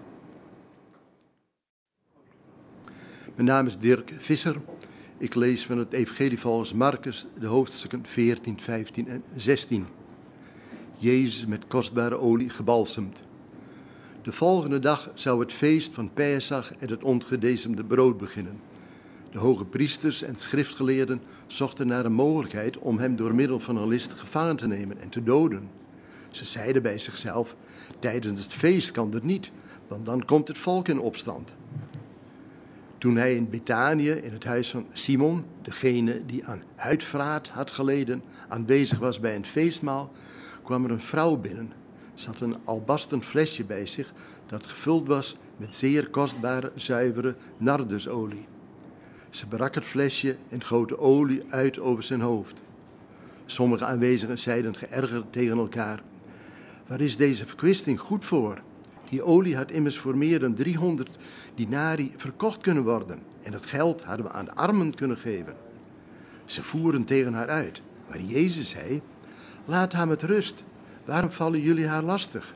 Ze heeft iets goeds gedaan voor mij. Want armen zijn altijd bij jullie. En jullie kunnen wel daar aan hen bewijzen wanneer je maar wilt. Maar ik zal niet altijd bij jullie zijn. Wat ze kon, heeft ze gedaan. Ze heeft mijn lichaam nu al met olie gebalsemd, met het oog op mijn begrafenis. Ik verzeker jullie, waar ook maar ter wereld het goede nieuws verkondigd wordt, zal ter herinnering aan haar verteld worden wat zij heeft gedaan. Toen ging Judas Iscariot, een van de twaalf, naar de hoge priesters om hem aan hen uit te leveren. Toen zij dit hoorden, waren ze opgetogen en beloofden ze hem geld te zullen geven. En hij zon op een mogelijkheid om hem op een geschikt moment uit te leveren. Het Perzigmaal. Op de eerste dag van het feest van het ongedecemde brood, wanneer het Perziglam wordt geslacht, zeiden zijn leerlingen tegen hem: Waar wilt u dat wij voorbereidingen gaan treffen, zodat u het Perzigmaal kunt eten? Hij stuurde twee van zijn leerlingen op pad en zei tegen hen: Ga naar de stad. Daar zal een man die een kruik water draagt jullie tegemoet komen. Volg hem. En wanneer hij ergens binnengaat, moeten jullie tegen de heer des huizes zeggen: De meester vraagt: Waar is het gastenvertrek waar ik met mijn leerlingen het Perzigmaal kan eten? Hij zal jullie een grote bovenzaal wijzen, die al is ingericht en waar alles gereed staat. Maak daar het Perzigmaal voor ons klaar. De leerlingen vertrokken naar de stad en alles gebeurde zoals hij gezegd had. En ze bereidden het Perzigmaal. Toen de avond was gevallen, kwam hij met de twaalf. Terwijl ze aanlagen voor de maaltijd, zei Jezus: Ik verzeker jullie, een van jullie die met mij eet, zal mij uitleveren. Ze werden bedroefd en vroegen één voor één aan hem: Ik ben het toch niet? Maar hij zei tegen hen: Het is één van jullie twaalf die met mij uit dezelfde kom eet. Want de mensenzoon zal heen gaan zoals over hem geschreven staat. Maar wee de mens door wie de mensenzoon uitgeleverd wordt. Het zou beter voor hem zijn als hij nooit geboren was.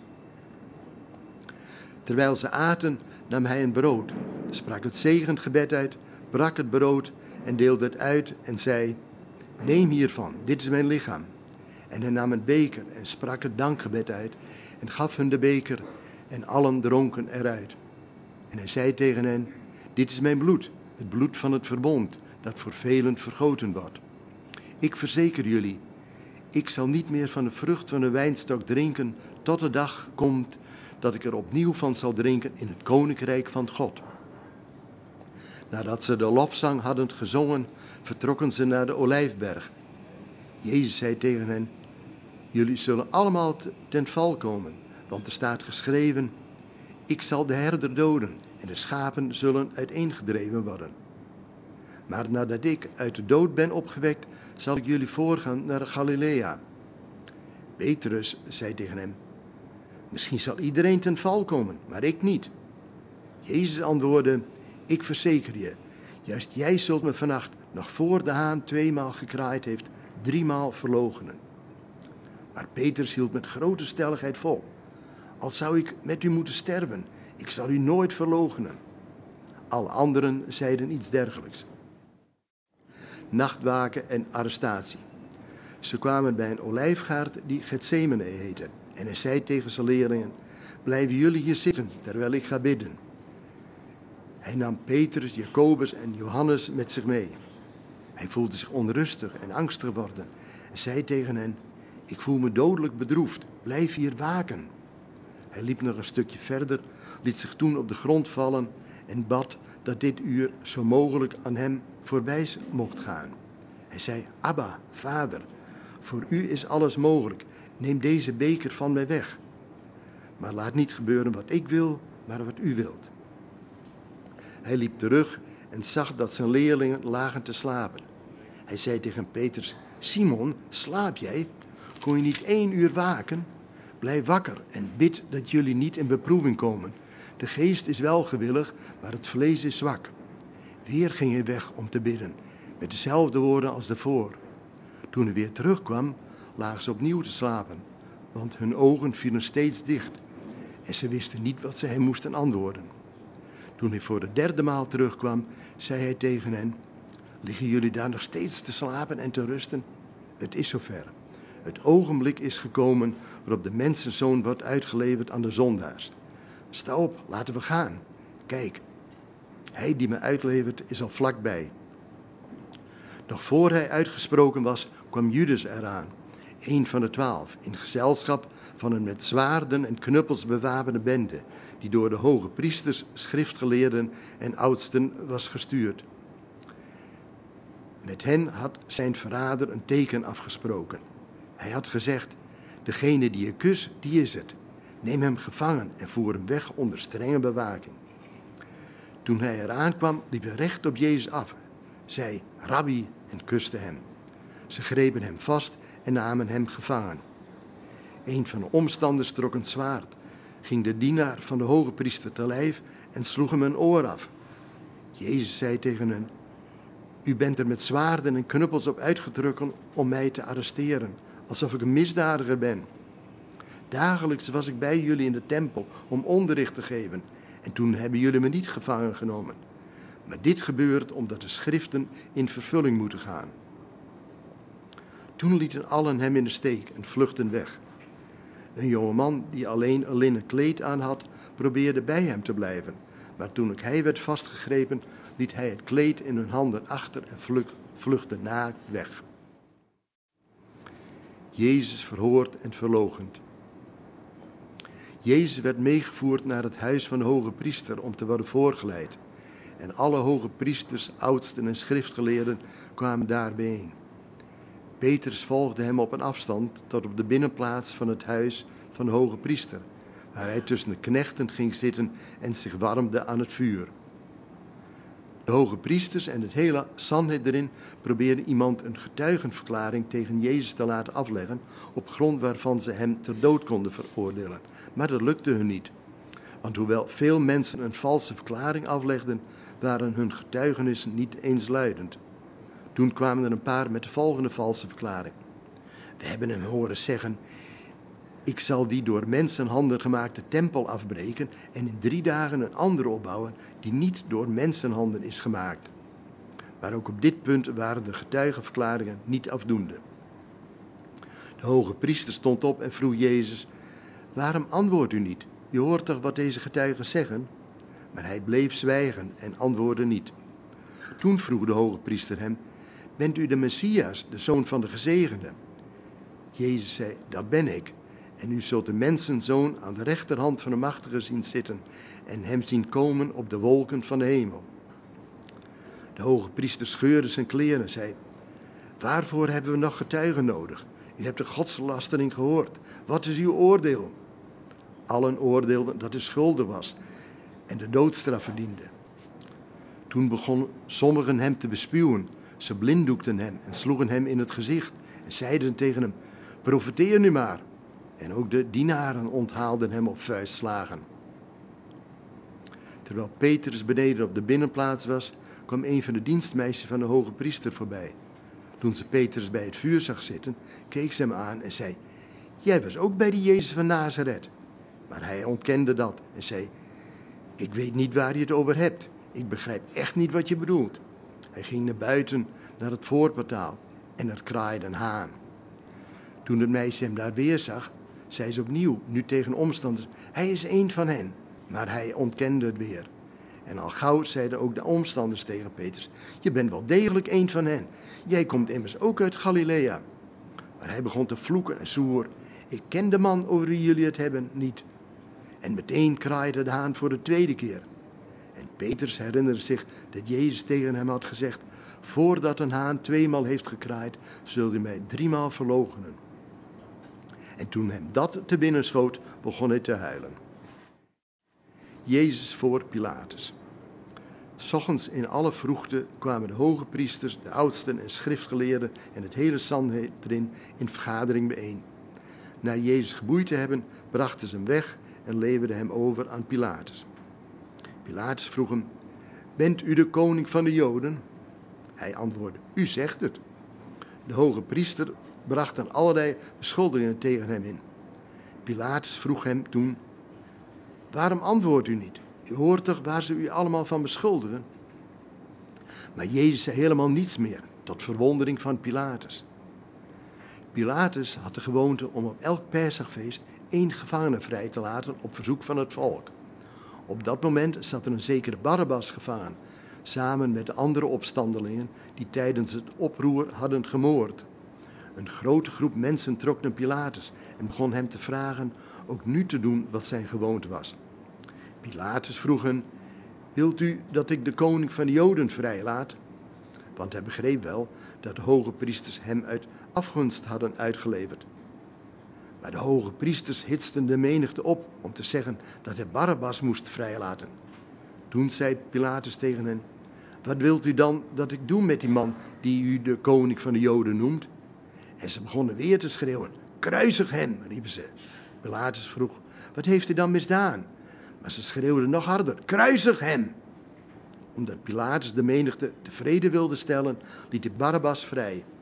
Jezus leverde uit om gekruisigd te worden, nadat hij hem eerst nog had laten geeselen. De kruising.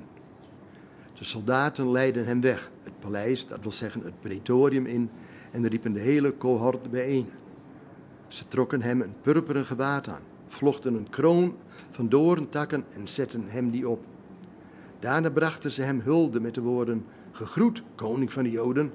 Ze sloegen hem met een rietstok tegen het hoofd en bespuwden hem en bogen onderdanig voor hem. Nadat ze hem zo hadden bespot, trokken ze hem het purper gewaad uit en deden hem zijn kleren weer aan. Toen brachten ze hem naar buiten om hem te kruisigen.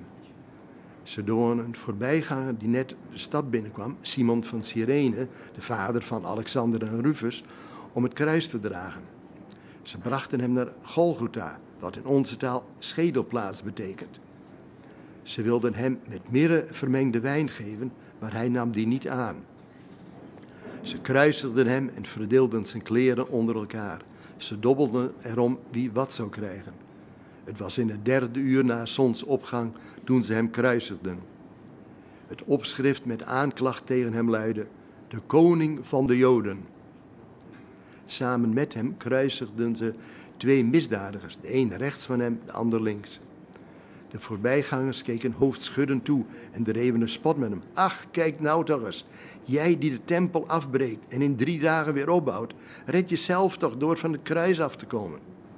Ook de hoge priesters en de schriftgeleerden maakten onder elkaar zulke spottende opmerkingen. Anderen heeft hij gered, maar zichzelf redden kan hij niet. Laat die Messias, die koning van Israël, nu van het kruis afkomen. Als we dat zien, zullen we geloven. Ook de twee andere gekruisigden beschimpten hem. Op het middaguur viel er een duisternis over het hele land, die drie uur aanhield. Aan het einde daarvan, in het negende uur, riep Jezus met luide stem: Eloi, Eloi, lema sabachthani. Wat in onze taal betekent: Mijn God, mijn God, waarom hebt u mij verlaten? Toen de omstanders dat hoorden, zeiden enkele van hen: Hoor, hij roept Elia. Iemand ging snel een spons halen, doordrenkte die met zure wijn, stak de spons op een stok en probeerde hem te laten drinken, terwijl hij zei: Laten we eens kijken of Elia komt om hem eraf te halen. Maar Jezus slaakte een luide kreet en blies de laatste adem uit. En het voorhangsel van de tempel scheurde van boven tot onder in tweeën. Toen de centurio, die recht tegenover hem stond, hem zo zijn laatste adem zag uitblazen, zei hij: Werkelijk, deze mens was Gods zoon. De graflegging. Van een afstand keken ook enkele vrouwen toe, onder wie Maria uit Magdala en Maria de moeder van Jacobus de Jongere en van Jozef en Salome. Toen hij in Galilea verbleef, waren deze vrouwen hem gevolgd en hadden ze voor hem gezorgd, net als vele andere vrouwen die met hem waren meegereisd naar Jeruzalem.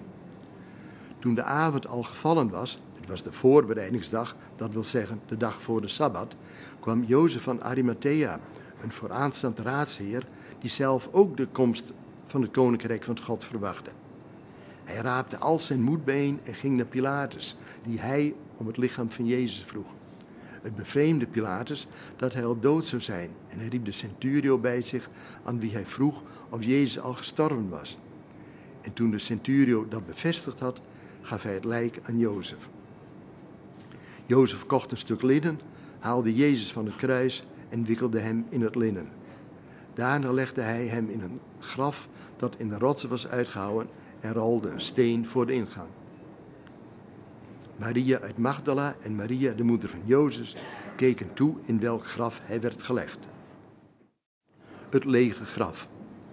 Toen de Sabbat voorbij was, kochten Maria uit Magdala en Maria, de moeder van Jacobus en Salome, geurige olie om hem te balsemen. Op de eerste dag van de week gingen ze heel vroeg in de ochtend, vlak na zonsopgang, naar het graf. Ze zeiden tegen elkaar: Wie zal voor ons de steen voor de ingang van het graf wegrollen? Maar toen ze opkeken, zagen ze dat de steen al was weggerold. Het was een heel grote steen. Toen ze het graf binnengingen, zagen ze rechts een in het wit geklede jonge man zitten. Ze schrokken vreselijk. Maar hij zei tegen hen: Wees niet bang. U zoekt Jezus, de man uit Nazareth, die gekruisigd is. Hij is opgewekt uit de dood. Hij is niet hier. Kijk, dat is de plaats waar hij was neergelegd. Ga terug en zeg tegen zijn leerlingen en tegen Petrus: Hij gaat jullie voor naar Galilea. Daar zullen jullie hem zien, zoals hij jullie heeft gezegd. Ze gingen naar buiten en vluchtten bij het graf vandaan, want ze waren bevangen door angst en schrik. Ze waren zo erg geschrokken dat ze tegen niemand iets zeiden. Na de opstanding. Toen hij vroeg op de eerste dag van de week uit de dood was opgestaan, verscheen hij eerst aan Maria uit Magdala, bij wie hij zeven demonen had uitgedreven. Ze gingen nieuws vertellen aan de mensen die hem hadden vergezeld en die nu om hem treurden en rouwden. Toen ze hoorden dat hij leefde, dat zij hem had gezien, geloofden ze niet. Daarna verscheen hij in andere gedaante aan twee van hen toen ze buiten de stad aan het wandelen waren. Ze gingen terug en vertelden het aan de anderen, maar ook zij werden niet geloofd. Ten slotte verscheen hij aan de elf terwijl ze aan het eten waren. En hij verweet hun hun ongeloof en halstarrigheid, omdat ze geen geloof hadden geschonken aan degene die hem hadden gezien nadat hij uit de dood was opgestaan.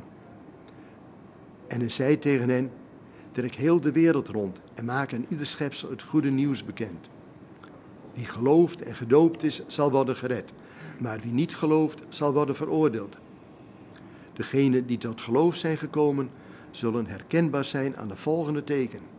In mijn naam zullen ze demonen uitdrijven, ze zullen spreken in onbekende talen, met hun handen zullen ze slangen oppakken en als ze een dodelijk gif drinken, zal dat hun niet deren. En ze zullen zieken weer gezond maken door hun handen op te leggen. Nadat hij dit tegen hen had gezegd, werd de Heer Jezus in de hemel opgenomen en hij nam plaats aan de rechterhand van God. En zij gingen op weg om overal het nieuws bekend te maken. De Heer hielp hen daarbij en zette hun verkondiging kracht bij met de tekenen die ermee gepaard gingen.